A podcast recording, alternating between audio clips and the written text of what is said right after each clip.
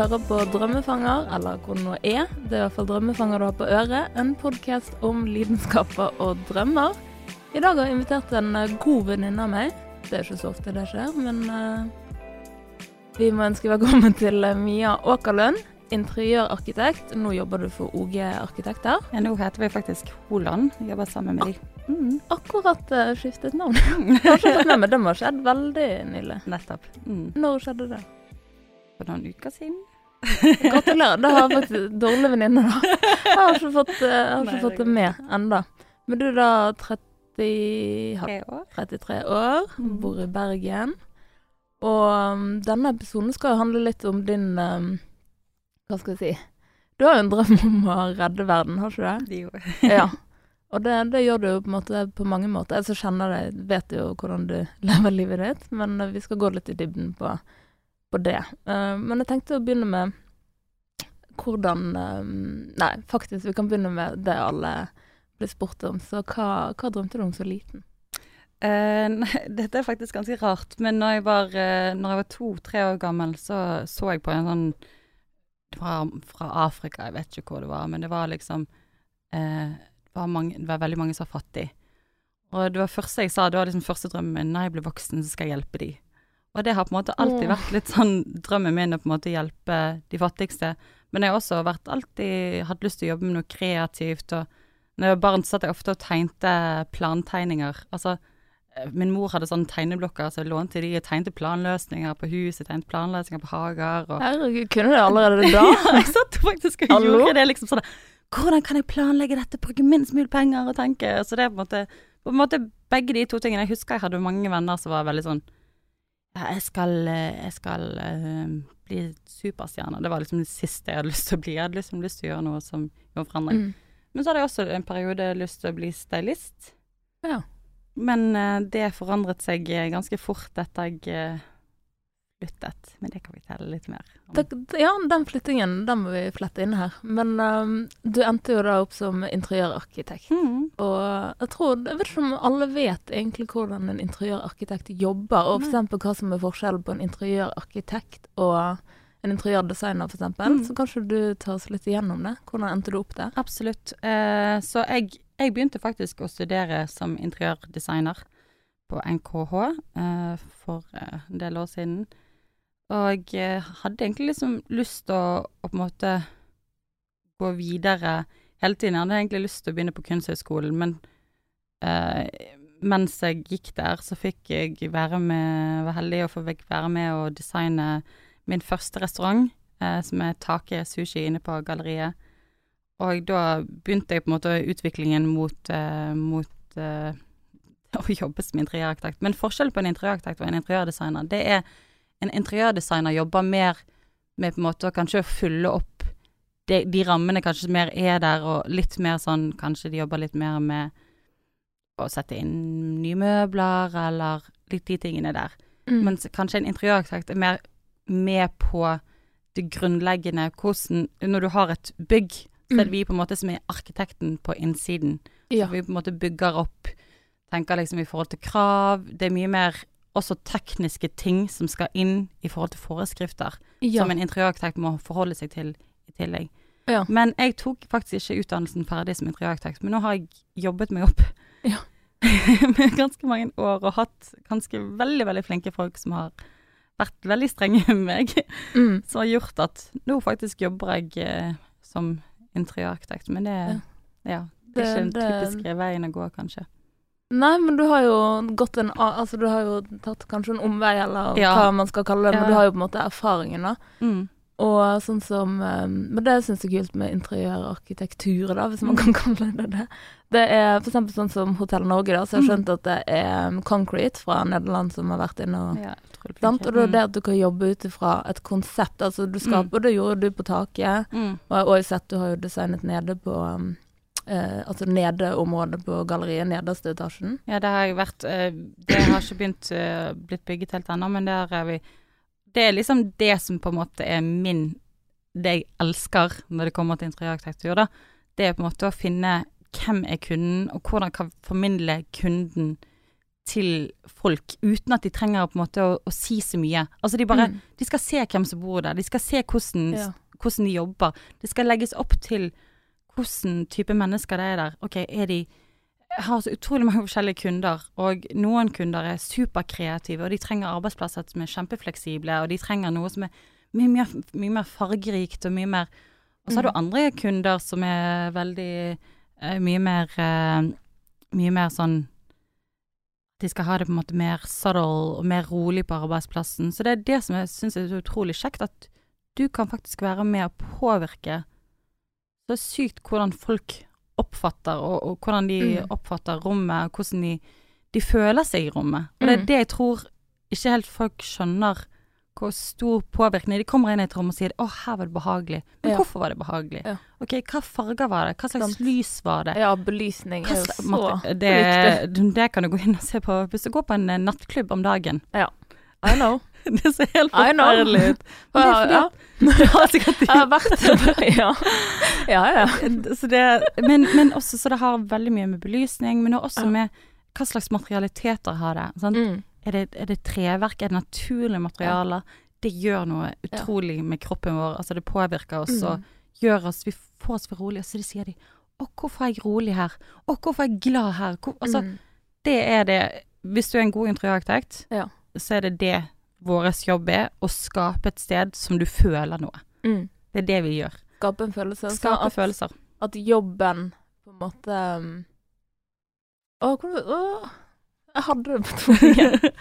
ja, men det er litt sånn her jeg tenker av og til At liksom. jobben liksom um, snakker for seg sjøl, ja, Det var det, jeg mente. Ja. ja. jobben snakker for seg sjøl. Ja, han skal det. Og hvis du, du har gjort en god jobb, så Jeg føler kanskje at vi nesten glemmer litt det her i Norge at vi på en måte bare sånn Å, hva er den nyeste trenden? Men interiørarkitektur handler virkelig ikke om trend. Nei. Du kan gå en trend hvis at du har et, et, firma som skal virkelig selge ut til unge mennesker her og nå, men det er ikke det det handler om. Interiørarkitektur handler om på en måte å, å finne liksom identiteten til kunden, og det ser du på de store selskapene som Nike, Google, ja, veldig mange store. Du, når du kommer inn til dem, så bare ser du hvem som bor der. Mm. Og det føler jeg av og til at har vært et sånn litt problem her i Norge. Jeg har gått rundt på veldig masse prosjekter, og så alle ser helt like ut. Mm. 'Å, nå er det den nyeste trendfargen på veggen her', og de har og så, men, men, hvem er, men, hvem er, du? Mm. Hva vil dere prøve å formidle? Jeg vet, jeg vet, ikke hva dere Hva selger dere? Hva gjør dere? Ja. Hvem ønsker dere å være? Det er liksom å se Du er jo veldig flink til å vise liksom hvem det er via via ja, klær og estetikk, og hjemme hos deg så ser man veldig tydelig hvem du er. Sant? Ja, jeg, Men hvordan vil du beskrive deg sjøl som person, da? Jeg er jo kanskje den mest ekstroverte personen folk noen gang har møtt. Sier vennene mine. Kanskje i likhet med deg, Susanne. ja. Men jeg begynner å helle litt mer liksom, mot min introverte ja, side. Ja, du, du er litt deler. mer balanse enn meg, kanskje. Nei, men det går i perioder, sant. Ja. Noen perioder så er jeg inne i og så vil sånn ekstroversjon, og så ja. noen ganger går trekker med Noen ja. trenger å være litt sånn tilbaketrukket, skjønner jeg. Ja, sant. Ja, altså jeg også kan nok være litt sånn Jeg tror nok alle tenker at jeg er veldig ekstrovert, men jeg også blir veldig sliten. Mm. Jeg gir veldig mye når jeg ja. er i sosiale sammenhenger, og jeg tror også folk forventer Eller jeg tror i hvert fall at folk forventer at jeg skal være litt sånn der den som på en måte uh, Holder det i gang, ja, liksom. Også, men andre ting av meg er veldig, veldig entusiastisk. Jeg brenner veldig for fellesskapet. Uh, jeg tror på en måte Alene er ikke vi sterke, men sammen er vi sterke, da. Mm. Jeg tror jeg er flink å se styrken i andre mennesker. Ja, jeg tror jeg har hatt godt hjerte. Ja. Brenner iallfall Uten tvil. Det har du. Det har ja, det er vel kanskje litt sånn. Det er ikke et spørsmål engang. Og så er jeg også ganske hissig. ja. Men det er jo litt det der Har du mye, har du mye på en måte lidenskap og mm. ikke mye sånn fire-energi, ja, på en måte, så, ja. så, blir jo det av og til til sinne òg, da. Ja, liksom, så det er litt sånn good with the bad, 2 egentlig. Da, da, da er jeg veldig sint. Men ellers så tror jeg jeg er ganske glad. ja.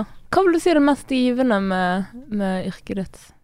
Det er hvis at jeg føler liksom at når du kommer, når du er ferdig med prosjekt, og du kommer inn i prosjektet etterpå, og du bare sånn, folk bare sånn Vet du hva, det er så deilig å komme på jobb nå. Eller det er så deilig å gå på den restauranten. Å, vet du hva, det var helt fantastisk. Jeg fikk en, At du skaper opplevelser som er positive mm. i folk sine øyne. Da, at du, du, kan skape noe som gir verdi. Det er mm. verdiskaping. Det tror jeg absolutt er Oi, det, det, altså det Ja. Det er kjempe, kjempekjekt. Mm. Fantastisk. Hvis det er én ting jeg vet om deg, så er det at du er veldig opptatt av å på en måte ha mening med det du gjør, at det skal være en slags Ja, det skal være Ja, det skal gi mening for andre og for deg, da, det du holder på med til enhver tid. Og da gir det mening at du holder på med noe som dette 4P-prosjektet, mm. som vi mm. lovet å komme tilbake til. Mm. Og det er jo da en hjelpe- og utviklingsorganisasjon med hovedsete i Manila, mm. Filippinene. Um, det handler om barn, drømmer, potensialet, ja. Absolutt. Har du lyst til å hva, hva, hvordan, hva er din forbindelse til den? Ja, så uh, 4P um, Jeg kan egentlig bare begynne fra starten. Mm. Uh, mine foreldre har jo på en måte alltid vært ganske opptatt av uh, humanitært arbeid uh, siden jeg var liten jente. Det var på en måte veldig sånn at vi skal bry oss om andre. det, var, det er på en måte innprintet veldig sterkt i meg. Uh, og uh, min far, uh, han jobbet med journalistikk og tok bilder og skrev blader og sånn. Så han var med ned til Filippinene med Og ble egentlig veldig grepet av det han så. kom tilbake til min, min, familie, vi er fem søsken, kom tilbake og sier vi skal reise til Filippinene og jobbe med hjelpearbeid. Og det er så stort behov. Min mor hadde ikke vært egentlig mer enn sånn Jeg tror hun har vært i Norge, Sverige, Danmark, eh, Tyskland og Polen. Så på en måte Egentlig sånn typisk skikkelig sånn mamma-mamma. Mm. Og uh, de er kristne, Huslig, så de på en måte de, altså, de mener at det er Gud som har på en måte spurt om de ville Så de reiste mm. faktisk ned og solgte alt de hadde. På Guds regning, liksom. ja, de, er, de, er, kristne. Ja. Uh, og så um, Jeg tror ikke egentlig de var så veldig giret på å ha meg med. jeg var jo ganske litt sånn Kanskje litt sånn rebelsk. mm, for dette var din ungdomstid? Ja, dette var uh, for 13 år siden, da. Uh, så da nå var jeg var 20. Mm. Og så reiste jeg ned tre måneder etterpå, og egentlig Jeg har alltid hatt, sånn som jeg sa, jeg har alltid hatt lyst til å jobbe med humanitært arbeid, og ble egentlig veldig Ja, det er det beste jeg har gjort i mitt liv. Jeg uh, har egentlig liksom jeg vet ikke, det Jeg husker jeg bare kom ned i slummen der og bare sånn Det som sjokkerte meg så utrolig mye, det var liksom gleden i folk sine øyne. De hadde mistet ja. alt. Det var liksom etter den største stormen som hadde vært på 20 år. De hadde mistet alt, og så bare kommer jeg inn der, og de, de smiler og spør meg 'Hei, kan jeg gi deg mat?' Kan jeg Og jeg fikk helt sånn sjokk. Så begynte å jobbe der i Jeg jobbet der i fire år, i slummen i Manila. Jobbet i et område som heter Tondo. Og var, jeg husker første gang jeg hørte om Tondo, det var sånn Whatever you do, don't go into Tondo. It's like really, really bad. Det var liksom mm. Det var der de kriminelle, de, de, som hadde ingen Det var ingen humanitær organisasjon som turte å gå inn i den slummen som vi begynte å jobbe da. Og det var der bare sånn OK, men da må vi gå dit. Og begynte å jobbe der. Så begynte å jobbe med Min jobb var å jobbe med emergency team. Uh, jobbet nesten som en sykepleier, men hadde jo på en måte ikke utdannelsen, men bare gjorde egentlig det jeg kunne mm. uh, for å hjelpe. Og jobbet med liksom Veldig mange syntes det var skamfullt å gå på sykehuset. Legene, de klandret. Uh, 'Å, hvorfor kommer ikke du tidligere?' Eller veldig mye sånn nedvergelse fra legenes side. Da. Så mm. prøvde liksom å hjelpe de som vi kunne, og så egentlig helt sinnssyke ting som har på en ja. måte markert Gjort noe med meg for resten av livet. Mm. Barn som Babyer som dør i, nesten i armene dine, og Ja, det er ganske mye ting som på en måte Det er jo derfor jeg også er så utrolig, for meg, med verdi, å på en måte mm. gjøre noe som faktisk betyr noe. Fordi at jeg var så heldig og fikk faktisk vært med mm. og så. Og så skulle jeg egentlig bli stylist, da, men så kom jeg ja. til Filippinene og så bare nei, nei, det kan jeg ikke gjøre.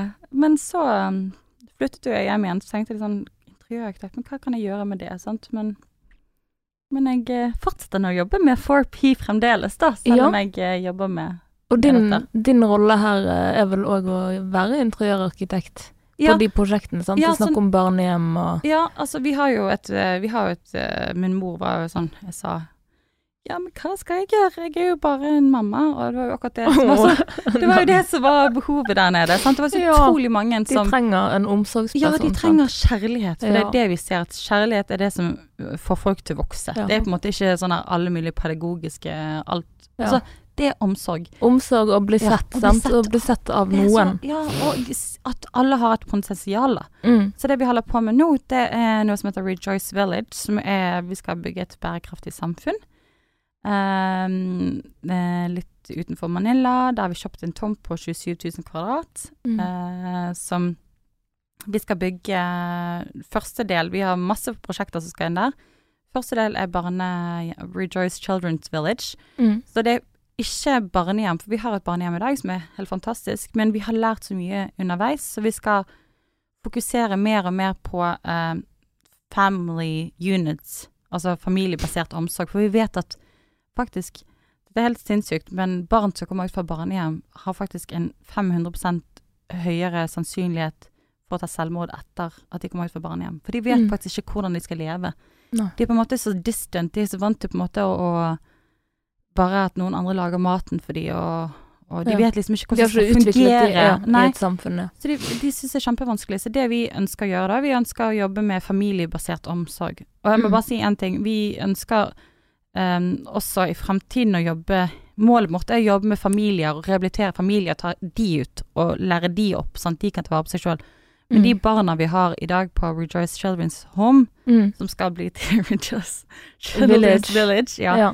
Uh, det er barn som virkelig ikke kan uh, De kan ikke bo hjemme pga. at de har blitt utsatt for ekstreme ting som seksuell misbruk, uh, vold, mm malnutrition Altså, det er helt sånn Det er så drøyt, det mm. de har gått igjennom, og det er så fantastisk å se hvordan noen kan komme og være så isolert og så tilbaketrukken til å få kjærlighet og bli sett. Ja. Hvordan er det å se utviklingen på disse altså, barna? Jeg blir så ja. jeg snakker om det. Det var det jeg tenkte liksom Ja, det er liksom For da har sånn, du fått se. Sant? Ja. De kommer inn i en situasjon, og nå er situasjonen ja, det, en annen. Sant? Det er faktisk ganske Det er ganske ekstremt å se mm. hvordan noen av de du har møtt, og Sånn som en av de guttene som eh, vi fant, eh, som lå i faktisk min eh, foster, fostersønn sin Nei, fosterbror din mm. lillebror, um, han uh, Første gangen jeg møtte han,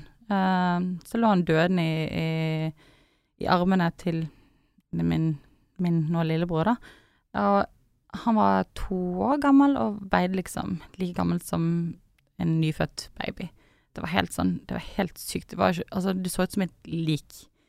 Og så mm. tok vi ham med på sykehuset, og um, og fikk hjelp. Og han var så full i makk at han klarte ikke å ta opp noe som helst næring. sant? Han var så, så syk. Og legen sa at hvis jeg kanskje hadde tatt ham med på sykehus nå, så hadde han dødd innen noen dager. Det var helt forferdelig. Så du reddet egentlig livet hans? Ja, det har vi vært veldig heldige. Ja.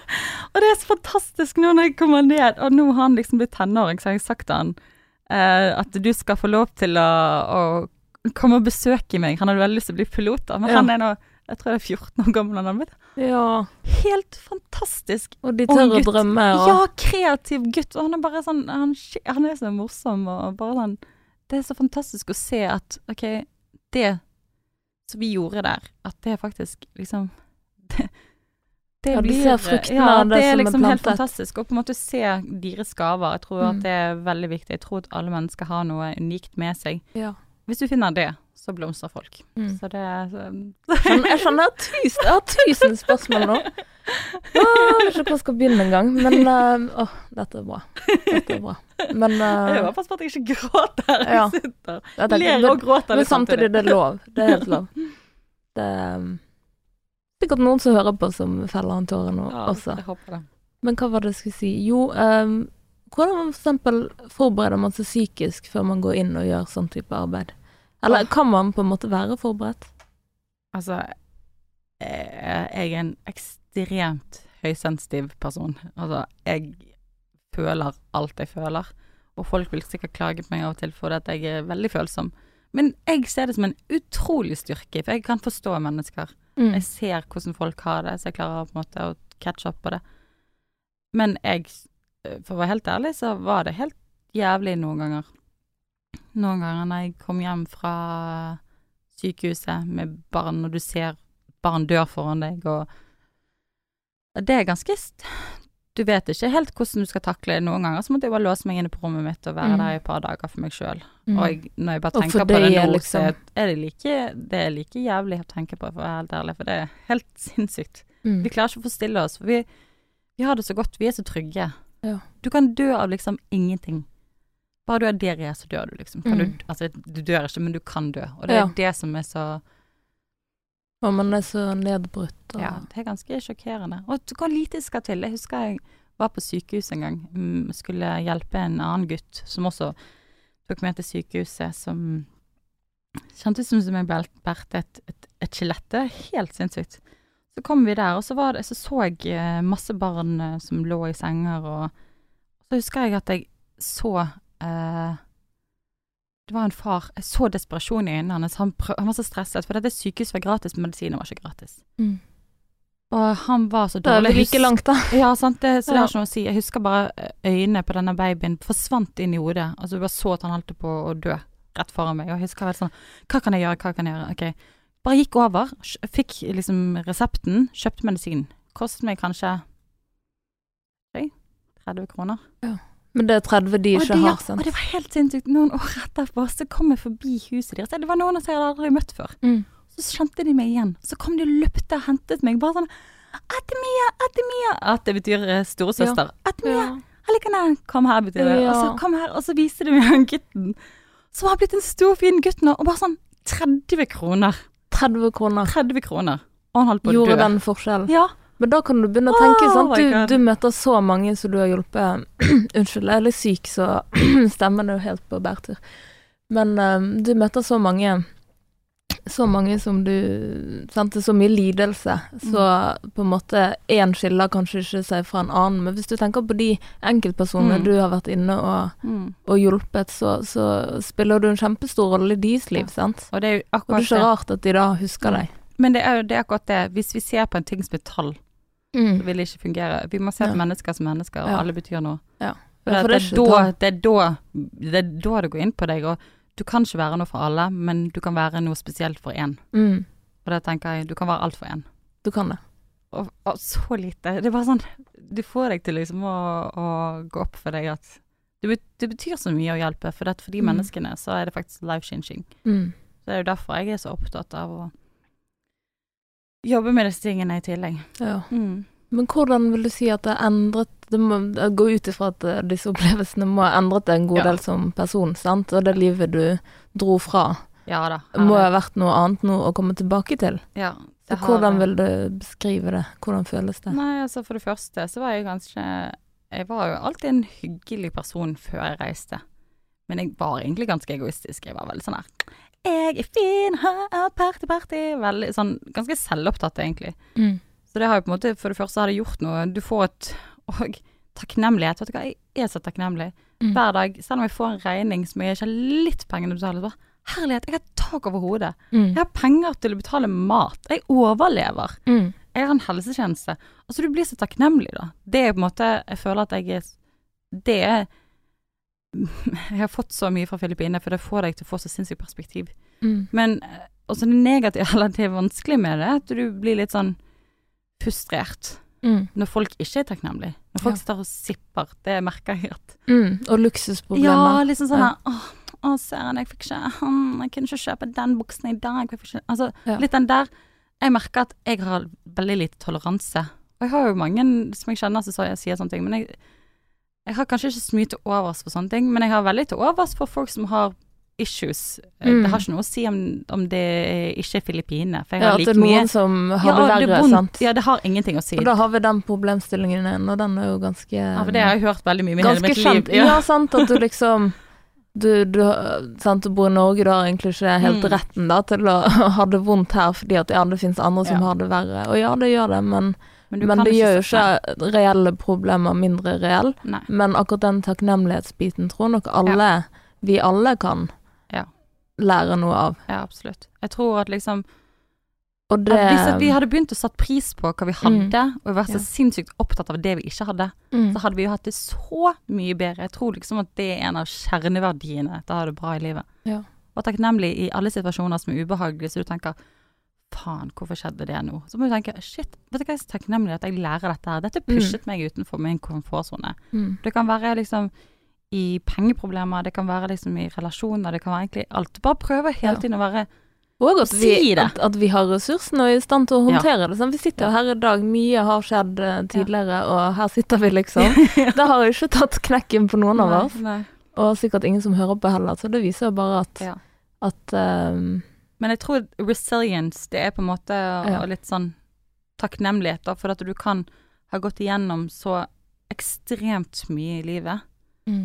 Men hvis du på en måte blir offergjør deg sjøl og sier ja, men dette er jeg blitt da, da lager du en, en, en sannhet mm. for deg sjøl. Men hvis du Absolutt. sier Vet du hva, dette definerer ikke meg, mm. da kan du egentlig komme deg ut av hva som helst. Ja. Tror jeg, da. Absolutt. Men selvfølgelig, det er vel ikke at det er enkelt for det òg. Altså. Nei, det trenger ikke å være enkelt, men um, Men hvis man på en måte holder seg i i nuet, sant, ikke lever mm. i en fortid, så, mm. så, kan man jo endre det meste ja. her og nå. Ja, sant? Det er der makten ligger, ja. på en måte. Du får ikke gjort noe med framtiden, du får ikke gjort noe med ting som har skjedd, men du kan jo Altså, du er hele tiden ja, Det, er det der med bevisste handlinger og sånn, sant. Og så om Så jeg må bare si det også, jeg tror en av tingene også er liksom Det som jeg kanskje ser som er liksom en styrke, som du ser i Filippinene, det som vi ser at et problem her i Norge, det er at en av grunnene til at de kanskje klarer å holde seg positive, selv om ting er drit, Eh, er på en måte det samholdet. Mm. Det er et problem i Norge. For det at problemene blir så sykt mye større når du er ensom. Absolutt. Ensomhet må jo være et av de verste mm. Ja, det er en av de største ja, truslene sånn, vi har. Sånn ja, så på en måte det er vår sånn Så det, det syns mm. jeg er forferdelig ja. trist. Og det er noe på en måte de fleste av oss kan gjøre noe med. Det handler ja. liksom om å se, se de rundt seg strekke ut en hånd, vise at man er der. Ja trenger ikke å være så mye heller. Man kan gi det smilet når du går forbi ja. noen på gaten. Du kan være hyggelig jo, med de i kassen på butikken. Ja. Altså, det gir ringvirkninger, sant? så de er hyggelige med nestemann, ja. og så er det jo mye hyggeligere å være Ja, da. Det det det. Men altså, der må jeg si en ting om deg, Susann. Jeg har mm. aldri møtt en person som smiler like mye til alle som deg. Du bare gjør alle lykkelige rundt deg. Åh. Åh. Jeg måtte bare si det. Takk. Ja, men sant Men jeg har jo Jeg opplever jo at folk gjør det med meg, sant. Ja. Så da er jeg allerede på en måte i det humøret til mm. å gi det videre, hvis du mm. skjønner. Så det går jo på litt, det.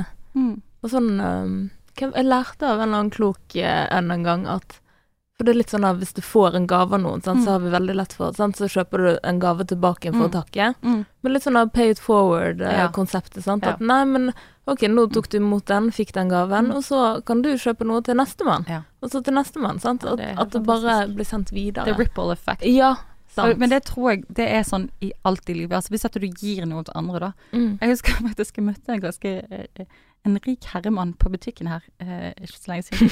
Så han hadde ikke penger på kortet, faktisk. Ja. Så sto han i kassen, så var han sånn her Sikkert veldig klein for han, for han var jo mm, pent kledd og mm. Og så Det betyr ikke alltid at man er rik. Nei da, men altså, altså i hvert fall, hvert fall framsto sånn, da. Ja. Og så sier jeg du, jeg betaler det. Og så tok jeg det, og så sa jeg han altså, sikkert syntes dette var veldig flaut, da. Mm. Så sa jeg bare Men du vet hva, neste gang dette skjer med hverandre, gjør det igjen. For det, mm. det, det, skaper en sånn der At da tenker han Gud, vet du hva. Hun trengte ikke Jeg hadde sikkert pengene til å altså, betale dette, men hun trengte ikke gjøre det. Mm. Men det gjør noe med at, at han som kanskje hadde det Kanskje da kan du faktisk gjøre noe med tankegangen til han. Altså, skjønner du hva jeg ja, mener? Jeg skjønner hva du mener. At du på en måte også på en måte kan sende det videre til alle. For det er faktisk mm. ikke basert på om du er verdens snilleste eller Nei. Altså det er bare basert nei, nei. på at du er et menneske, rett og slett. Absolutt. Ja, og at man og at man er våken, egentlig, for med ja. seg det som skjer rundt seg, sant, ja. og handler deretter. Helt på en måte. Ja, helt enig. En annen ting jeg har tenkt på, sant, vi er jo her og snakker om drømmer, la-la-la-la. Mm. det er jo så gøy. Men um, jeg har jo møtt mange, faktisk, som har sagt at egentlig det dere gjør med Rejoice Village osv., er deres drøm Mm. Denne om en dag blir rik, da, mm. og la, la, la. Mm, mm. Og så tenker jeg sånn, hva tror du har gjort at da blir kanskje dine foreldre, da, at de tenkte at dette her var altså realist, en realistisk drøm. At, mm. at, det var fullt mulig å sant? De har fått tanken med liksom å mm. gjennomføre det. For det er, jo, man, det er jo litt sånn derre eh, Når du får ideen om at jeg har lyst til å faktisk skape en barneby i ja. Manila Altså Det er litt sånn uoversiktlig, det er stort, man ser jo bare alt som må på plass. sant? Det er mye, og det er et fremmed land. Ja din mor hadde ikke reist så mye. Altså liksom, Hva tror du har gjort at de har tenkt altså de, dette får vi til? Ja, altså de, de, har jo på en måte basert det på at de er kristne. Så de har jo på en måte basert det på, på det. Mm. Men, um, men jeg tror på en måte at Ja, på Gud, da. At de ja, har fått hjelp, på en måte. Ja. De, de, baserer det på, på det. Mm. Men i forhold til meg, så tror jeg kanskje det er litt sånn Og på en måte alltid, uansett om du ikke har penger, bare alltid gjøre alt du kan gjøre. Mm.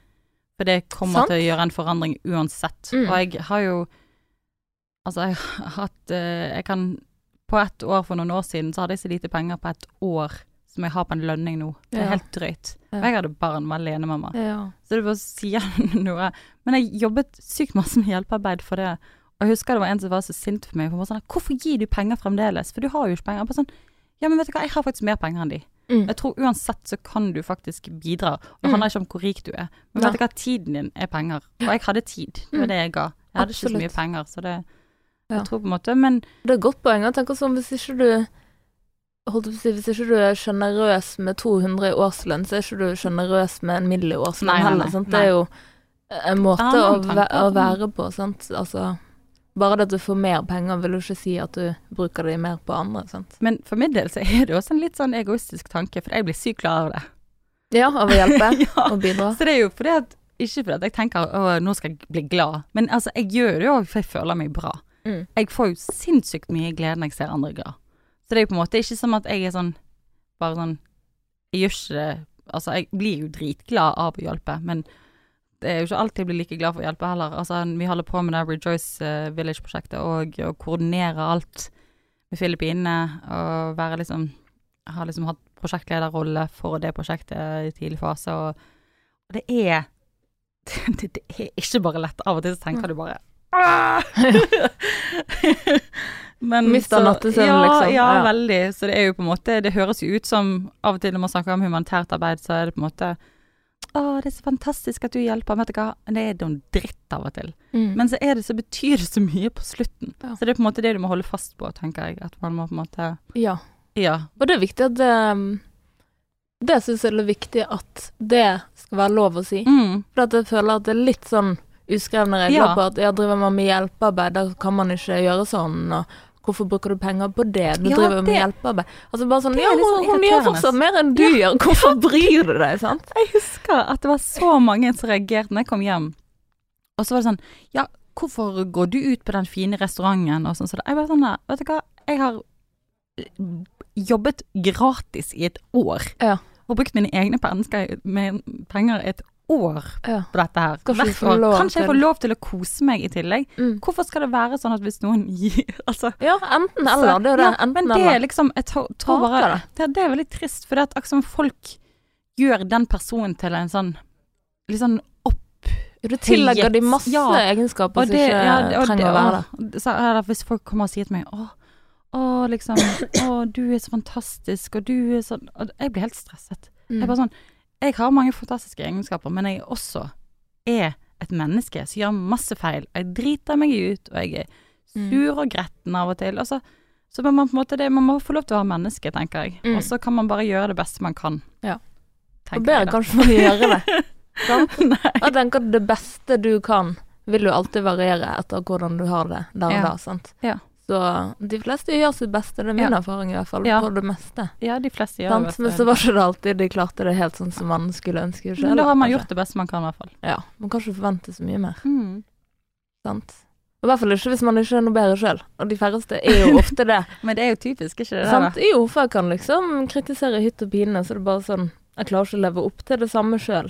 Så må jeg ta meg i liksom sånn Skjerp deg. Altså, du, ja. du er ikke noe bedre, du. Nei. I det hele tatt. Men det er som vi, vi, på en måte har en sånn standard for mennesker som skal liksom være så perfekt. Men det er mm. ingen som er perfekt. Nei. Heldigvis. Og det er bra. Forferdelig hvis alle var perfekt. Jeg er virkelig ikke perfekt. Det er altså en kjedelig verden. ja. Yep. .no. en ny Facebook-profil. ja. .no. Ja. Den fin å slenge bak Fin å slenge bak poeng. Men du, du har jo dette her fine Nok et prosjekt. Du er jo prosjektdronningen, tenker jeg. Jeg lurer ofte på hvordan du har tid til uh, å liksom uh, jugle alt det du ja. holder på med. Men Design Bazaar ja. Fantastisk uh, prosjekt du har sammen med um, Det er en liten prosjektgruppe som ja, er der. Ja, heldigvis. Vet du hva. Uten de hadde faktisk ikke vært Da hadde jeg gått på veggen. Ja, og det er 9. november på USF Verftet en eh, basar der man kan vinne flotte designpremier. Mm. I, I, bytte mot kjøper man årer eller lodd? Det er lodd. Det er lodd, ja. I bytte mm. mot å kjøpe lodd. Og inntektene går jo da til 4P, ja. som vi har snakket en del om i dag. Mm.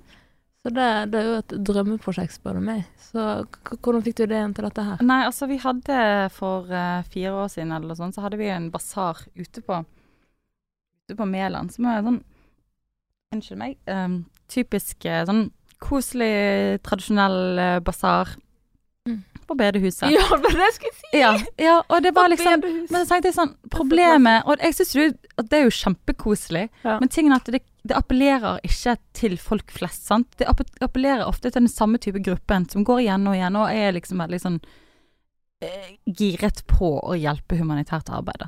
Men så var jeg sånn OK, vi er nødt til å gjøre noe annet. Uh, siden, jeg, uh, siden, jeg, jobber da som interiørarkitekt, så kjenner jeg veldig mange av uh, de store merkene, altså på en måte mm. brands som er der ute. Ja. så jeg var, tenkte bare sånn Nei, vet du hva, vi er nødt til å gjøre noe annet. Vi er nødt til å appellere til folk flest. For det humanitært arbeid har blitt litt sånn, nesten litt sånn negativ ting. Folk som står på gaten og maser på deg, og du får dritdårlig samvittighet for å avvise dem. Det blir sånn en, en, sånn negativ greie med humanitært arbeid. Så jeg tenkte hvordan kan vi gjøre humanitært arbeid sexy? altså mm. ikke sexy, men du skjønner hva jeg mener. Ja, hvordan kan vi få det til å virke litt sånn gøy? Mm. Og folk har lyst til å bidra, men de har også lyst til å få noe tilbake. Mm. Sånn er humans. Så bare sånn OK, men hvis jeg klarer å få folk inn fra bransjen til mm. å være med og sponse med ting faktisk folk ønsker seg, mm. da kanskje vi klarer å gjøre noe nytt. Så dagen etter denne basaren, så meg og min søster satt på kjøkkenet og sånn OK, vi er nødt til å gjøre noe annet. Bare booket USF. Mm. Og bare sånn Vi hadde ikke noen premier eller noe ting. Lagde et arrangement sammen med en fantastisk gjeng. Min søster eh, som heter Tine. Fantastisk kunstner. Tine Marie. Tråholt, ja, for de som Ja, Tråholt. Hun er veldig fantastisk kunstner. Mm. Eh, og eh, vi fikk egentlig med oss eh, flere og flere på måte på laget etter hvert. Og mm. Og så har det på en måte bare generert eh, Bare blitt større og større, eller på en måte har utviklet seg. Eh, så har vi en fantastisk prosjektgruppe. Og det som jeg på en måte Jeg tror du spurte meg, eller du sa i sted, hvordan klarer du å få til alt dette? Mm. Jeg har bra mennesker rundt meg. Mm. Altså, altså, hun ene som jeg jobber mest med, eh, Marte eh, Leigreit. Shout-out til Marte. Ja, hun er fin. Hun, og hun er liksom helten i mitt liv. Det er liksom Uten sånne mennesker som er Jeg er ikke den typisk sånn organized person. Altså, jeg har blitt det litt mer med årene, men hun er bare sånn Hun og min søster Ann-Kristin, de er bare sånn Liksom. Så de mm. bare Så på en måte å surround yourself with people som mm. er sykt flink på det du er dårlig på. Ja, sant, det er oppskriften. Ja. Det er oppskriften ja, på alt. Der kan du ansette folk òg. Ansette ja. alltid folk som er flinkere enn du er. Du må aldri finne folk som er helt lik deg. Men de har bare samme ambisjonene, samme hjerte som deg, mm. verdiene, men aldri ansett folk som er lik deg. For dette, mm. da er det liksom Så, så eh, på en måte har Nå har vi fått inn Nå er det tredje året vi har denne her designbasaren, og vi har det i mm. regi sammen med Designfestivalen. Mm. Bergen Designfestival. Så vi skal bare litt sånn avslutningsfest på det, da. Mm. Så da skal vi ha fine artister inne. Noen av de f.eks. MK Marvelous Medicine skal spille. Ja. De vant jo Spellemannsprisen og har fått sykt masse bra respons. Sånn. Mm. Kingsley. Kingsley som var med Sulle. Og det ble alltid litt funky. Ja, og det, ja. det, er, det er, alltid god sykt god stemning. Og og så fin kom konferansier, ja, anticoach, eh, ja. podkast. Ja, han er ja. helt fantastisk. Altså, han uh, Andreas Gravdal er jo helt super person å ha med, for han altså, Måten han snakker om ting, det er helt sånn fantastisk å sitte bare og, og høre på. Mm. Så nei, jeg føler liksom at det som er tingen, er liksom å få med seg mennesker som er gode, brenner for det samme. Så jeg tror det kommer til å bli kjempegøy. Og det er liksom så kult at folk faktisk vinner noe, så de bare tenker å fy søren, dette er kanskje liksom Denne var jo dritkul. Ja, vil du nevne noen av leverandørene? Eh, altså, da må jeg begynne Da tror jeg jeg må Hva sier noen, da? Du kan eksempel vinne fra Hei. Ja, Muto. Mm. Uh, Objekt. Object. Vitra. Det er veldig mange, så det er veldig fine premier. Da kan man gå inn på Designbasaren 2019 eh, på Facebook. Det kommer nye premier hver dag, og det, det, er helt fantastisk hva vi har fått inn, liksom. Og, og leverandørene er bare sånn sykt giret på å være med. Ja. Det, det, er sånn Det skjønner jeg. det er fantastisk at de bare har vært med, og så går jo alle pengene her til det bærekraftige prosjektet vi holder på med i Filippinene, da. Så det må mm. dere gå inn og lese på også. Ja. Mm. De finner det på 4P 4P sin hjemmeside 4p.no, eller ja. uh, mest på Facebook på Rejoice Village. Ja. Nå ser jeg at tiden, uh, tiden begynner å renne ut for oss. Men tusen, tusen hjertelig takk som kom, Mia. Tusen takk for Utrolig kjekt å få dele dine tanker med, med mine, mine lyttere. Det er alltid kjekt å snakke med deg, Susanne. Ja. så det går helt fint. Takk i likeså. Nå må vi ha den faste avslutningen, så da er tull ut, og følg gjerne Drømmefanger også på Facebook. Vi har ikke Instagram, men Facebook. Tudelut!